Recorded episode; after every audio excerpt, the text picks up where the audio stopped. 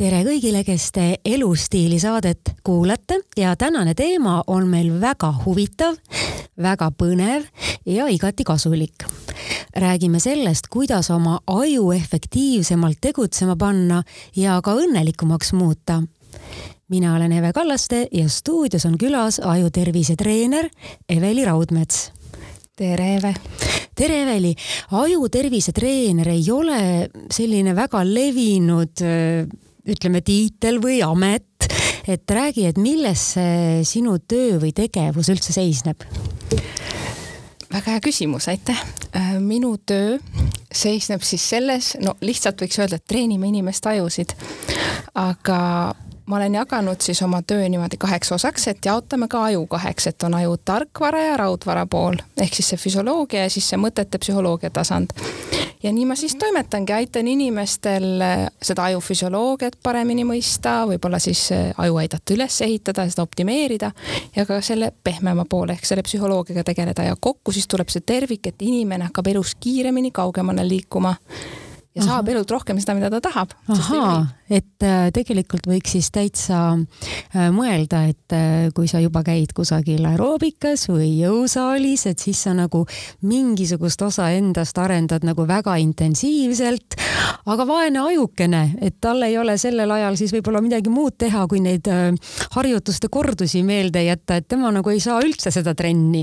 aga, aga sinu juures siis nagu saab, et mis missugune see sinu enda teekond üldse selle valdkonnani oli, et, et kas sa ise nagu tundsid, et su aju hakkab laisaks jääma või kuidas see juhtus? Eks see ikka tuleb sellisest praktilisest vajadusest, et eh, mis meil siis on vaja, et hakata kuskil suunas liikuma, on üldiselt natuke valu või päris palju valu ja siis motivatsiooni on ju, et kui need kaks on olemas, siis liikumine on üsna kiire. Ja minul sai alguse asi muidugi siis valust, ehk siis esimese asjana diagnoositi mu vanaemal skisofreenia, see oli üldse, kui ma hakkasin aju peale mõtlema, et mis asja, et mis see siis tähendab. ja kahjuks ma pidin siis jälgima aastaid, kui ta keeldus rohtusi võtmast ja kuidas ta piinles. peale seda oli mu emal vähk ja kahjuks organ, mis talle alla andis, oli aju. kuigi vähk ise oli hoopis mujal. see siis nagu süvendas seda kõike veel ja siis ma olin oma õpingute teekonda juba alustanud ja minu enda tütar oli siis see absoluutne viimane tõuge, et äh, kui tal diagnoositi autism, sotsiaalärevus, depressioon, kõik need asjad. ja, ja ma sain siis spetsialistidelt sellise tagasiside, et äh, tegelikult sellisel tasemel, et ta nagu väga hästi elus hakkama saaks, ei ole Eestis sellist spetsialisti, kes teda aidata saaks täna. siis mõtlesin, selge, siis ma hakkan ise selleks spetsialistiks ja pöörasin pilgu Ameerika poole ja. ja tegelikult ega siis äh, siiamaani vist nagu konkreetselt selle valdkonna spetsialiste ei olegi meil siin Eestis niimoodi võtta, et, et on erinevad äh, e-, erinevat tüüpi, on psühholoogid, psühhiaatrid, aga keegi, kes oleks just keskendunud sellele autismispektri häirele, seda muidugi ei ole, et see on nagu väga-väga tänuväärt, et sa oled seda teinud ja, ja õnneks on see läinud nii, et sinu niisugusest isiklikust soovist mingisugusest asjast aru saada ja kedagi aidata, on kasvanud välja midagi suuremat ehk siis sa aitad, treenid ja, ja nõustad ka neid, kellel on täiesti neurotüüpiline aju ehk siis nii-öelda tavaline keskmise inimese aju, mis vajab samuti tundmaõppimist, treenimist, suunamist.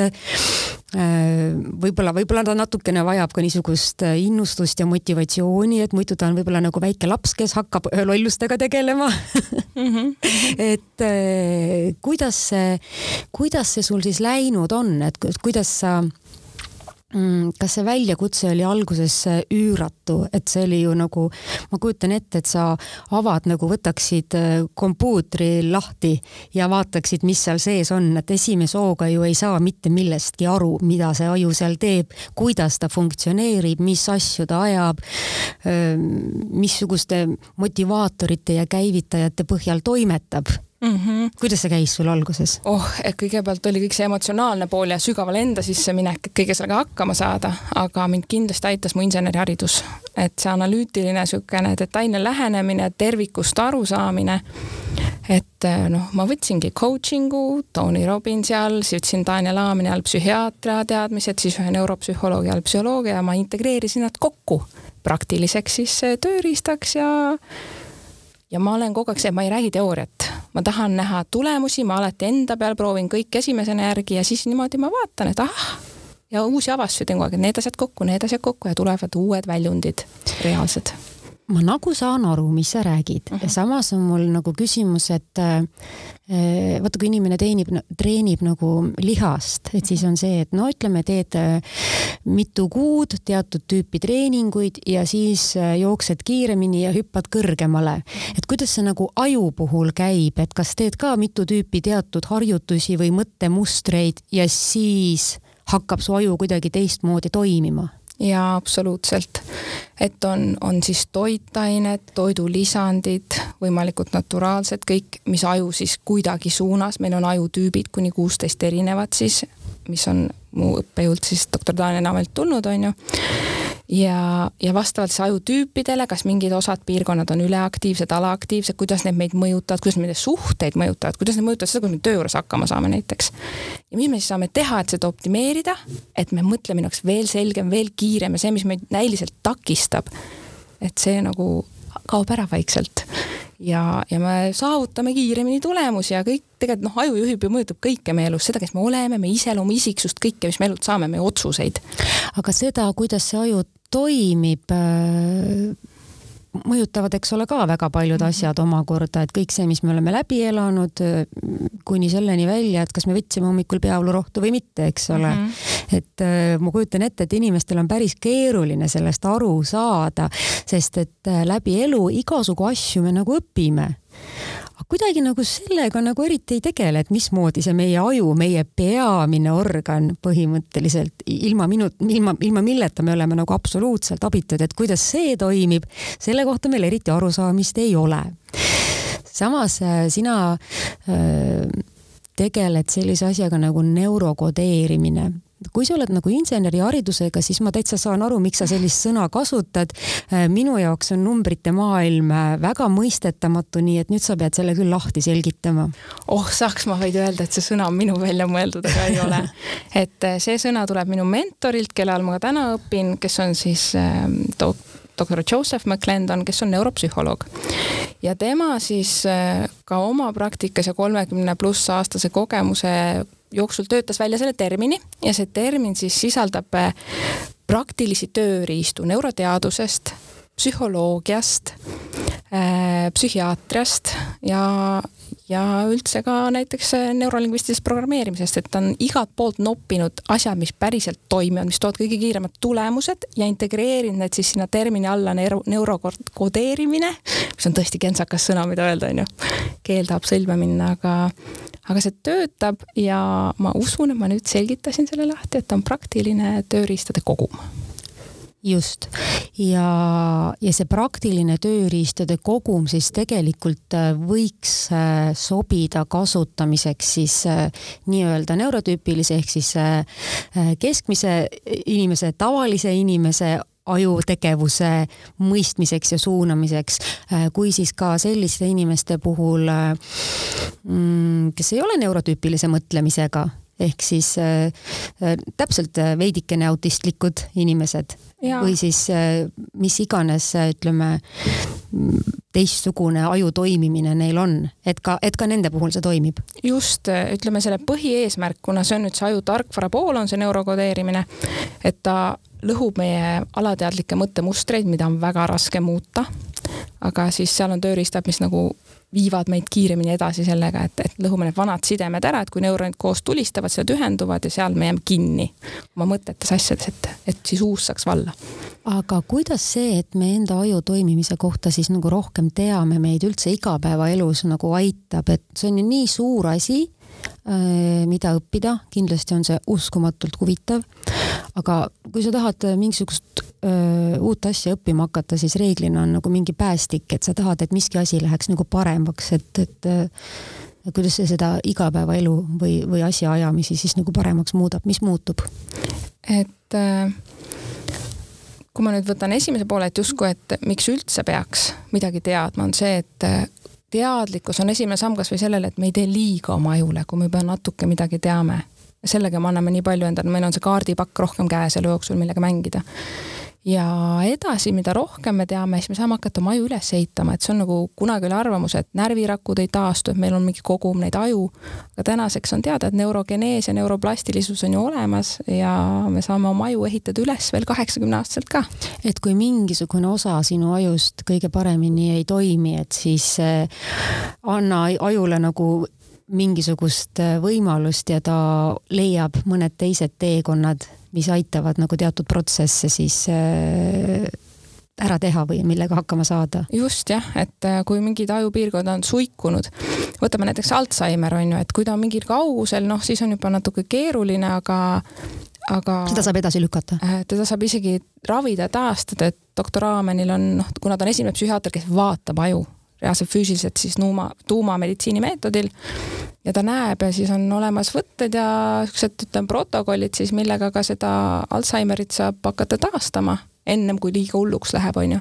Et see ei pruugi üldse nii minna, Alžeimerit peetakse nüüd ju juba kolmanda astme diabeediks, et suhkru mäng, mõju on hästi suur sellele, kuidas inimene toitub. see on minu jaoks isegi täiesti uus info, et, et teen siin neid saateid ja, ja, ja muudkui, muudkui õpin ja, ja muudkui sain uusi põnevaid asju teada, millest palju on endale ka kasu. nii et ma loodan, et kuulajale mõnes mõttes samamoodi, et see tänane saade tekitab päris palju uusi mõtteid selle kohta, kuidas keegi ise toimetab ja, ja mis ta ise arvab arvab, mis on tema igapäevategevuste ajend ja mis siis see ajend tegelikult kah on, et võib-olla need on hoopis mingisugused minevikuharjumused või või, või mõjutatud millestki sellisest, mille peale me pole tulnudki. aga kuidas see inimese ajufilter siis ongi nagu toimib, et kuidas ta nende kogemuste, mõtete ja, ja, ja tunnetega toimetab mhm. inimese peas? ma, ma nüüd eeldan või täpsustan, et siis, kui sa ütled filter, siis ma saan aru või aiman, et see on see retikulaarne aktiveerimissüsteem, mis on niisugune närvikimp siis, võtame nagu lillekimbuna teda siin meie ajutüves mis on ühendatud siis äh, silmade, kõrvadega ehk kõigi nende meeltega, kust info tuleb välismaailmast sisse. et kuidas me seda siis töötleme ja, ja mhm. tõlgendame ja kuidas me sellest aru saame, jah? Just jah, ja see siis reguleerib, mida me üldse märkame. ma toon hea näite, et äh, vaatad, et ah, nii ilus uus auto on ju, no ma olen insener, ma pean ütlema auto mm., ilus auto ja, ja siis järsku sa näed igal pool seda autot. see on tõsi see on tõesti tõsi ja, ja kui sa veel kirjutad sõbrannale telefonis mm, -hmm. siis see hakkab sulle ka igale poole su telefon selle, selle ilusa uue auto reklaame viskama, nii et meie aju baasil on ka nagu ütleme, see tehnoloogia juba üles ehitatud. ja, ja, ja eks. aga see vahepala selleks, et räägi edasi mm. -hmm. ja, ja nii siis ongi ja me saame seda filtrit programmeerida nii-öelda, et äh, kui me olemegi ise noh, see ütleme siis nagu sätitakse, sätitakse üles meil elu jooksul. kas me oleme siis ütleme elu läbi roosade prillide või mõni märkab ainult negatiivset, on ju. me saame seda juhtida ja ümber programmeerida teadlikkusega siis nagu mõtete juhtimisega, erinevate võtetega, et sest et meie mõte tekitab meie tunde, on ju, aga see mõte tekib sellest, mis info meile sisse tuleb, mis sütitab selle mõtteahela ja kui me juba oskame niimoodi, et ahah, et me vaatamegi rohkem läbi roosade prillide, sest mitu teadus, teadusuuringut ütlevad ka, et kui üldse millestki on kasu, siis läbi roosade prillidega elu vaatamine, noh, sealt võib võtta, et no midagi on ikkagi seal kasu et see reaalsus, nagu reaalsus ei olegi, et mis on, realism on ühiskonna poolt peale surutud pessimism, öeldakse nii et äh, kui äh, mõningates seltskondades öeldakse inimesele, kuule, sa vaatad ikka kõike nii läbi roosade prillide, siis tegelikult peaks olema nagu sihuke tunnustus, et inimene võib-olla oskab näha asjades mm -hmm. head et see ei mõjuta tema, see, mida ta näeb ja kogeb, ei mõjuta tema elu negatiivselt, kokkuvõttes on tema aju tervem ja mm, -hmm. ja, ja tegevused inspireeritumad, eks ole. ma toon ühe näite siin veel, kui, kui tohib, et et kõik raskused ju, mis meil elus on, et äh, nad on nagu noh, on õppetunnid, on ju, et me, me kunagi ei tahaks seda jubedust, mis kunagi võib-olla oli, uuesti läbi elada, aga me tegelikult ei sooviks kellelegi teisele, aga, aga see on kujundanud sellest, meist selle, kes me oleme. Aga alles hiljem me suudame mingit siis tänu selles näha või kuidas see meid siis tugevamaks muutis või ütleme empaatilisem. ma ei taha, et see minuga uuesti juhtus, aga mul on hea meel, et ma oskasin sellest õppida. just, ja see ongi see roosa aprill nii-öelda on ju ka mm. -hmm. et sa minevikku, et sa õpid oma mineviku traumasid vaatama äh, läbi selle prisma, mis on sul edasiseks arenguks mm -hmm. vajalik. ja ma annan ühe väikse vihje kaasa kõigile. Äh, mis on täiesti elumuutev ehk küsimused, mida me endalt küsime ja kui suudate ennast viia sinna kohta, et juhtub hetkel midagi, keegi teeb haiget, midagi on ebaõiglast ja te sellel hetkel küsite enda käest, mis on selles head kohe ja te tunnete seda trotsi, et kuidas sa üldse küsid, siin ei ole ju midagi head. aga kui te suudate viia end sinna, et vastate, see muudab teie elu pikas perspektiivis väga palju mm. -hmm. just, aga mm -hmm. räägime nüüd natuke sellest äh, ka, et sa juba ütlesid, et kui me vaatame asju läbi roosade prillide, siis see on meie ajule hea ja see on meile äh, endile hea. Äh, aga mis meie ajule üldse nagu meeldib, et ta tegelikult ju taju tahab areneda kogu aeg ja, ja, ja talle meeldib, kui me talle seda arenemisvõimalust, eks ole, mhm. pakume.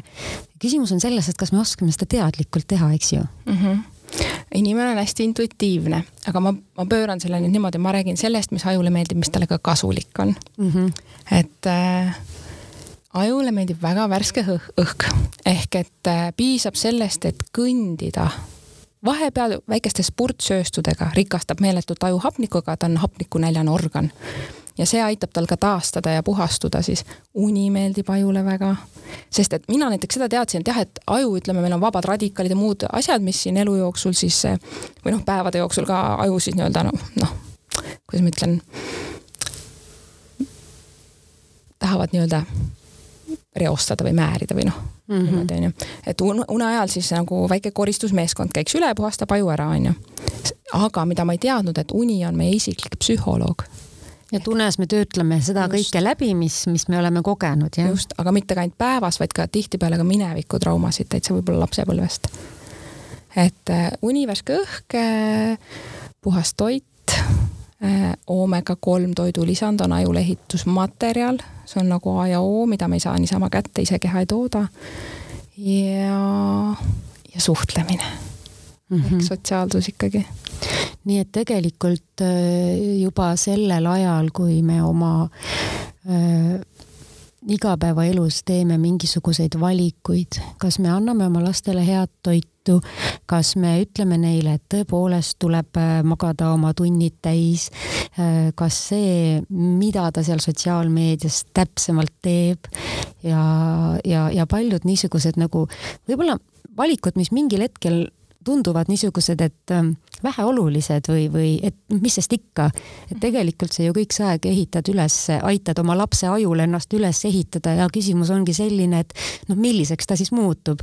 ja siis see laps loomulikult kasvab suureks, siis temast saab noor täiskasvanu ja sellest kõigest äh, on, mis on temaga nagu minevikus toimunud, tema ajuga sõltub see, et kuidas ta oma tööl hakkama saab, kuidas ta oma kolleegidega hakkama saab, kuidas ta iseendaga hakkama saab, kuidas ta väljakutsetega hakkama saab. mõned ajud on ju tunduvalt vastupidavamad, mõne teine, mõne teise inimese aju ütleb pärast väga lühiajalist pingutust, et nii, ma olen nüüd kokku jooksnud eks ole. Kusjuures see on väga põnev, et inimestel on igasuguseid väljendeid, et eh, juhe on sõlmes ja aju kärssab ja, ja aga me nagu ei mõtle, et sellel on nagu mõnes mõttes ju täitsa tõepõhi all.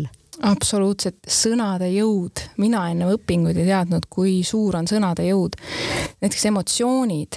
Äh, ma, on kaardistatud, et inimene tunneb umbes kolm tuhat erinevat tunnet või emotsiooni, emotsioon vist on õigem sõna. ja palju me eesti keeles neid sõnu teame, mis tunded, emotsioonid meil on? Ja mis see teeb siis, ütleme niimoodi, et kui sa tunned, et noh, midagi pahandas sind, onju aga kui sa ütled, ma olen vihane, siis mis tegelikult aju teeb, ta viib, tal on oma mingi biokeemiline retsept selle viha emotsiooni jaoks kehas, kortisolist asjadest. ja sa ütled vihane välja endale ehk tegelikult sa kutsud aju sisse, oo, sa ütlesid viha, keerame kokteilile juurde. ja see krutibki ennast üles, üks sõna võib nii mõjuda. aga samas on ju sellist teooriat ka, et tulebki oma tunnetele nimi anda, aga ja. siis tuleb muidugi pärast seda see tunne ka nagu sõbralikult ja. minema saata, eks ju. ehk see mõte ongi see, et me peaks rikastama sõnavara, mis tunded meil on peenetundelisemaks sõnaks, ütleme siis nii, et ei ole ainult pahane ja vihane, vaid seal veel võiks vahel olla täitsa mingi kümme sõna. ja siis me hakkaksime paremini ennast mõistma ilmselt. seda ja me ei, me, me ei saaks siin äärmusemotsiooni nii kergelt ei läheks enam jah mm. -hmm, mm -hmm mida teadlased veel selle aju elu kohta räägivad nagu põnevat, et me võib-olla oleks kasulik teada, kuidas see meie aju nagu askeldab mm. -hmm. no põhiline asi, mis on minu, minu meelest siis ajumuutev, ütleme nii, on ikkagi see, et, et aju saab taastada mm. -hmm. et see neuroplastilisuse genees on olemas ja niivõrd lihtsad asjad panevad seda juba tööle. näiteks meeletult kasule on ajule lauatennis või tennis või sulgpall hmm see on nüüd küll, et nagu kuidas? see aktiveerib neuroplastilisuse, sellepärast et äh, sa pead tajuma 3D-s seda ruumi, kus asjad liiguvad, sa pead oma keha liigutama seal ruumis, sa pead jälgima, sa pead mõtlema, ehk kogu aju nagu väga suur piirkond on hõlmatud selle tegevuse all ja ta on, peab arenema kogu aeg seda tehes. väga huvitav, et sa praegu seda ruumis tajumist äh, mainisid, ma tegin äh, hiljuti intervjuud ühe, ühe noore eestlannaga, äh, kes tegeleb koreograafia ja akrobaatikaga ja tema ütles, et talle nagu tundub küll, et tema aju töötab natuke teistmoodi, sest kui tema on mingisuguses uues ruumis ta kunagi ei koperda ja ta ei löö ennast ära, sest tema aju kogu aeg teab, kus ta ruumis asetseb. aga ta on tähele pannud, et teised inimesed on alailma sinikaid täis ja jooksevad kuskile vastu. ehk siis tema on läbi oma selle hobi -hmm. arendanud enda aju nagu teatud osas äh, keskmisest inimesest nagu palju targemaks mm. -hmm. ta juhib oma keha ilmselt veel intuitiivsemalt ja, ja. ja ta ütles, et ta ise ei mõtle selle peale, kuidas ta liigub, aga ta ei põrka kunagi millegi vastu. täiesti alateadlik, väga lahe. et mm -hmm. ja ma olin ka nagu täiesti hämmastunud, et ohoo, et niimoodi, et saab mm -hmm. ka oma ajuga nagu toimetada, et sa õpetad talle mingi asja ja siis äh, ta hakkab tegutsema äh, ilma, et sa ise mõtleksid selle peale. ja, ja tihti ongi täiesti teises elusvaldkonnas tuleb sellest kasu. jah ja., üllatavas. aga ma kujutan ette, et need inimesed, kes ähm, tunnevad huvi selle vastu, mida sina teed, et nendel on tavaliselt mingisugused väga praktilised eesmärgid, et miks nemad tahavad ajutervise kohta rohkem uurida.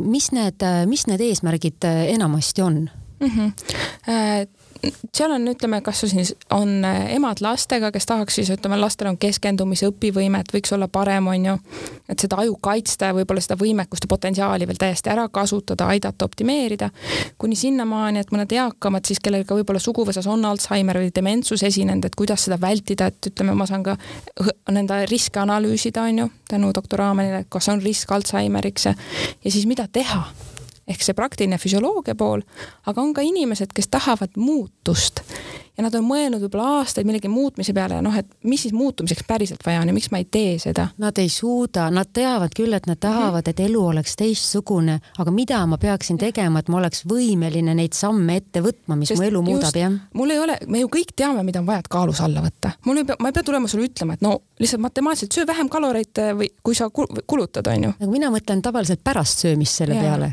aga, aga inimestel ei olegi vaja öelda, mida teha, sest nad tihti teavad, aga mis neid takistab, on niisugune asi nagu unistuste röövlid siis, mida mu mentor nimetab, et et seal tuleb meil ala. ma tean väga hästi, ma olen terve päev õudselt tubli ja ma lähen külmkapi juurde õhtul uh. Mhm. -huh ja mu aju ütleb mulle, et kuule, sa oled näljane. Mhm. -huh. ma saan aru küll, tegelikult ma olen väsinud ja ajul on vaja energiat ja ta mm -hmm. siis äh, ajab mind sinna külmkapi juurde, sest et noh, sest sealt toidust nagu tuleb energiat, aga tegelikult on seda energiat vaja magamisest, eks ole. nii, ma saan sellest aru ja ma lähen ikka õhtul külmkapi juurde. pärast on mul paha, sest tegelikult täiskõhuga on halb magama jääda mm. -hmm. seal tulebki see alateadvus ja need äh, igasugused huvitavad mõttemustrid, mis meil on siis kujunenud ja muidugi harjumused sellest tulenevad. ja, ja mina tean küll, mis minu probleem on, mina mõtlen järgmine kord järgmine kord juba homme ma enam ei lähe sinna külmkapi juurde. jah, jah, ei noh, klassika. jah, et mina ilmselt peaksin oma ajule õpetama, et täna on homme. ja ma ei tea, kuidas seda teha võib-olla sinu no, koolitus aitaks ja, ja võime sellest rääkida olgu, aga lähme siis edasi, et kui sa äh, kui sa neid nagu koolitusi siis nagu teed, et mm -hmm. millest sa nagu alustad, et kuidas sa nagu kuidas sa hakkad inimestele selgeks tegema, et nad peavad iseendasse kaevuma, see on ju kohutavalt raske, see ju on päris ebameeldiv isegi mm -hmm. teinekord. ja esimene sõna, millest ma kohe kinni võtan, on pean, ei pea mitte midagi. et sealt tuleb kohe sihuke tegelikult alateadlik vastuseis, et. Äh, trots jah mm -hmm.? iseendas on ju. tahtmist peab olema ja peab ja, ja, ja peab, peab. hästi tublid on kõik, kes jah, noh, ma ise samamoodi nagu ikka, ma olen peaaegu selle sõna välja juurinud, aga ikka juhtub mul on õnneks inimesed, kes mu tähelepanu sellele siis juhivad. ma soovin, ma tahan, ma saan ja mis on mu prioriteedid ja nüüd mul juba küsimus läks meelest ära. kuidas see küsimus oli?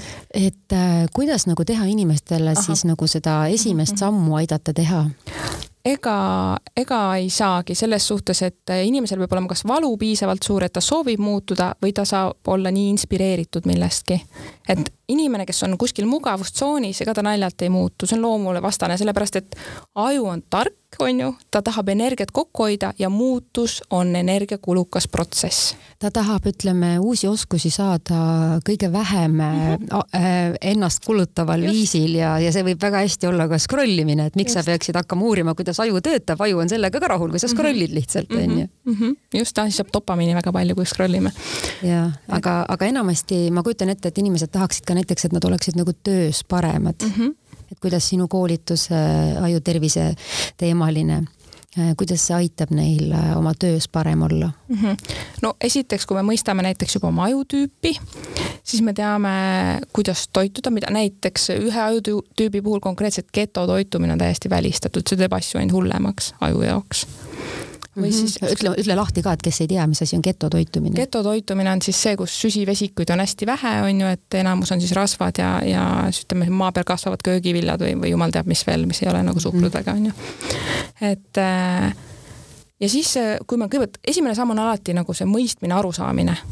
mis mu, milline mu aju on, kus ma praegu olen ja teine asi on, kus ma tahan olla ehk mida ma elult tahan, kuhu ma tahan liikuda ja siis äh, paneme kaardi paika ja hakkame sinna suunas liikuma siis väga noh, kõike seda tervikut hõlmates, alates nagu ma ütlesin, toidust kuni siis äh, võteteni, mis sinna alateadvuse mõttemustritega töötavad, on ju. ja keha võtame appi, sest et keha on see, kes salvestab meil emotsioone, neid retsepte emotsioonidele ja ja mm.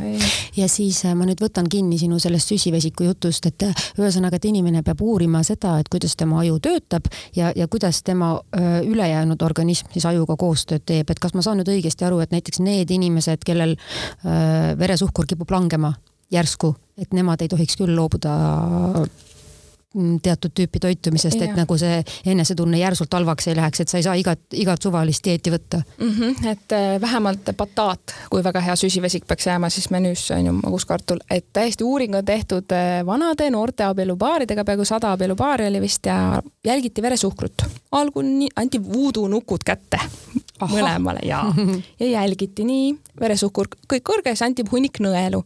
Ja siis kõigi paaride puhul tuli sama see korrelatsioon välja, et kui veresuhkur langes, siis nõelte arv partneri voodoo-nukus kasvas ahah, aga see süsteem oli selline, et kui sa oled partneri peale ärritunud, et siis sa paned nõela või? ja, ja. ja kui inimesel Mõeldes. on veresuhkur madal, et siis ta ärritub rohkem. siis neid nõelu tuli ja. nii et äh, tegelikult äh, milline avastus mhm. inimestele mm, -hmm. mitte mu kolleegid ei ole lollakad vaid mul on veresuhkur madal parasjagu.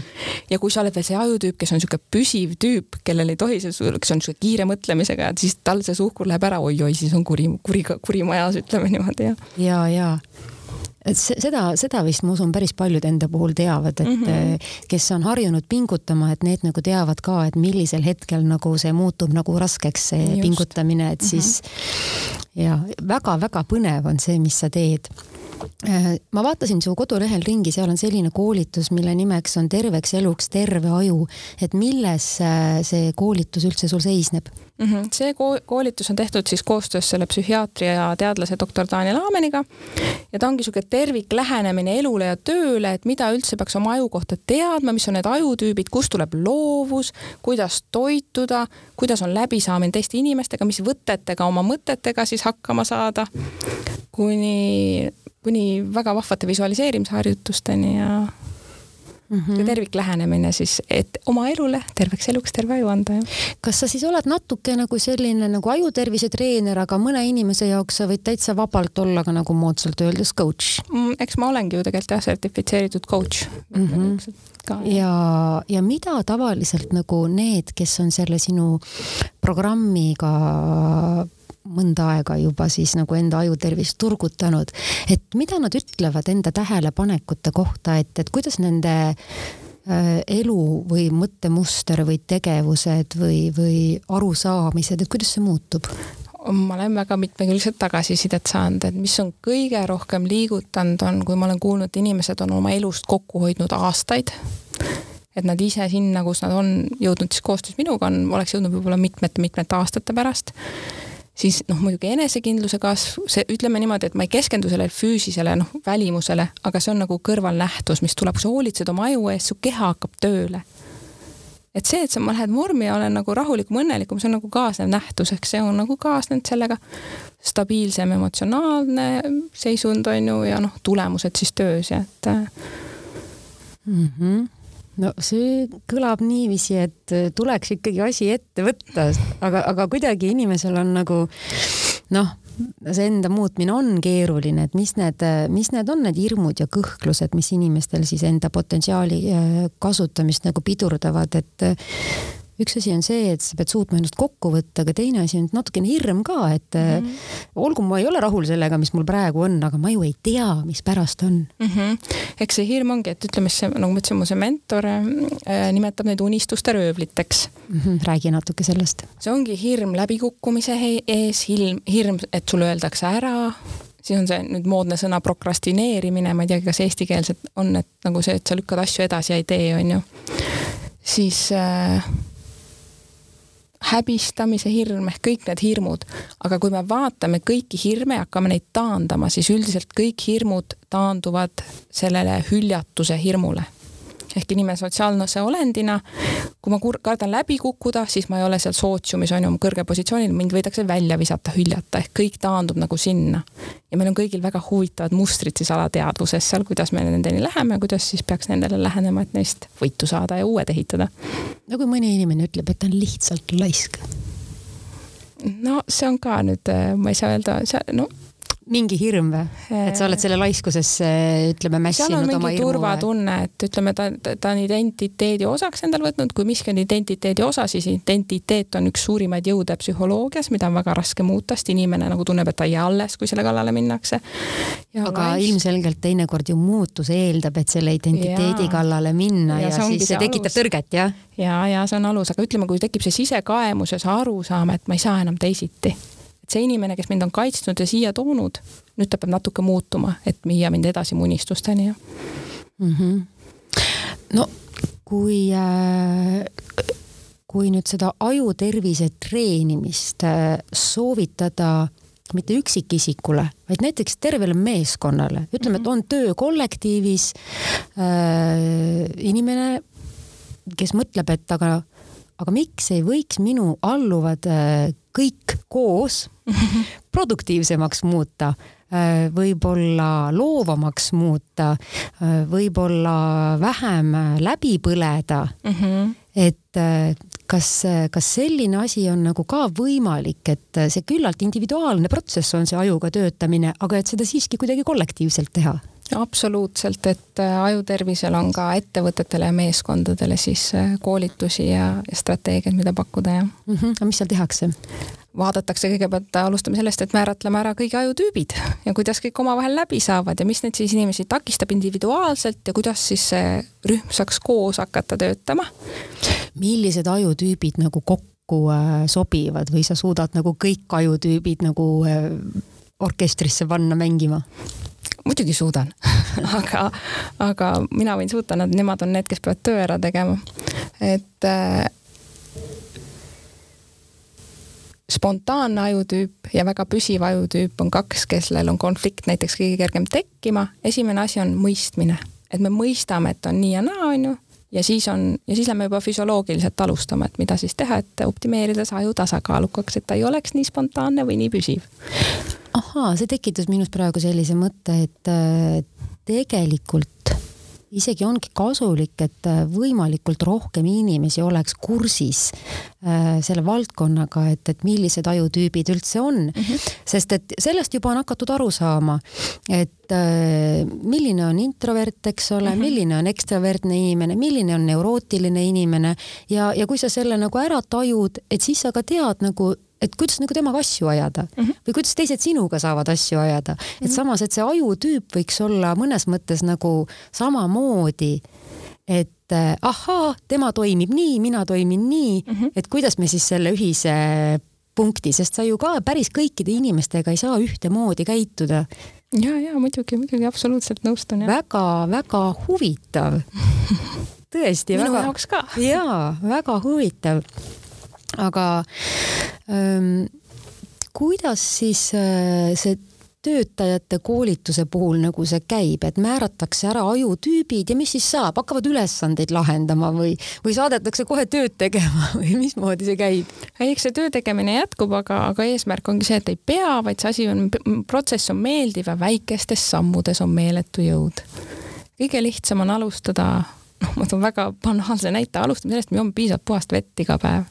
Et meie jook on vesi kuni sinnamaani, et siis mis ajutüübile, mis aju, toidulisandeid äh, võtta, on ju, mis siis optimeerib seda tasakaalukama poole, me ei võta ära selle ajutüübi tugevusi, küll aga siis ütleme neid ekstreemsemaid, mis teda takistavad, on ju. Mhm. et inimesed võiksid olla teadlikud sellistest elementaarsetest asjadest, et äh, minu aju ja minu organism on sellised, et ütleme, kui ma söön lõunaks suure portsu pastat, siis päeva teine pool on pekkis, ma ei mm -hmm. suuda enam tööd teha mm. -hmm. kui ma söön midagi muud, siis mu keha ja aju nagu toimetavad koos efektiivsemalt, et niisugust just, et nagu väikesed märkamised on siis mm -hmm. ka mhm. nagu olulised, jah? jaa, just need väiksed sammud on need, mis on nagu see Warren Buffett liitintress, noh, aja mm -hmm. jooksul väga märkamatult ja väga valutult toimub see muutus ja see ongi see trikk, kuidas aju üle kavaldada.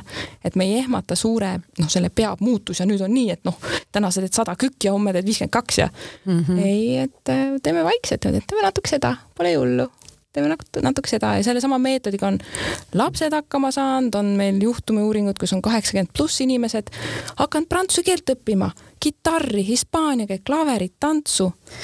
jaa. kusjuures minu puhul vist on küll nii, et kui ma pean midagi uut nagu ette võtma, siis ma ise teinekord tunnen, et äh, see on nii suur ja see langeb nagu mingisugune mm -hmm. suur ogadega kobar mulle peale et ja see on sellepärast ilmselt, et ma püüan haarata kõike korraga mm. -hmm, just. ja, ja, ja siis no näiteks mul ei ole oma ettevõtet, sest ma lihtsalt kujutan ette, et see on nagu nii suur ja nii õudne ettevõtmine. samas minu laps tegi oma selle ettevõtte ja tema ütles, et ma lihtsalt hakkasin otsast pihta mm. -hmm, mm -hmm, just. et teinekord on ka vist nii, et, et ähm, need uued põlvkonnad võivad olla veidi vastuvõtlikumad sellistele lähenemistele kuidagi loomulikult, et äh, ma ei tea, kas sa oled seda tähele pannud, et äh, mingis vanuses on see inimese, ütleme selle ajumustri muutmine natuke keerulisem? jaa, ja ma kuulen sind rääkimas, ma kohe tekib seos. ehk siis, kui me siin vaatame, et kaheksateist täiskasvanu mine hääleta, onju, siis aju seisukohalt äh, kahekümne kaheksa aastase mehe aju on alles täiskasvanu ja see on see, kaua see otsmikusagar ehk see meie tegevjuht täiskasvanu areneb, mis on nagu see põhjus-tagajärge analüüsib. ja noortel ongi nii hea kõike alustades, nad ei näe neid tagajärgi ja neid, ütleme neid stsenaariumeid ette. kakskümmend kaheksa alles on see aju küps ja siis vot sealt edasi läheb juba jah, et mõtlen ja näen ja plaanin ja kogemused ja siis ei ole nii lihtne enam jah et siis on juba see, et sa tead väga hästi, kuidas kõik võib nässu minna Just. ja sa ei julge enam ette võtta, noor inimene seda ei tea mm -hmm. ja tema julgeb ja, ja päris tihti ka õnnestub mm. -hmm. et ei olegi ainult see, et tal ei ole kogemust ja sellepärast on ju, vaid et ta aju ei näegi taju veel ei näegi ja ütleme, teismelised, et kui mina, noh, mul tütar on ju nüüd saab kuusteist, omavahelist mõistmist nii palju suurendab, et äh, räägingi, et äh, noh, ta teab, et aju on kakskümmend viis pluss alles täiskasvanu.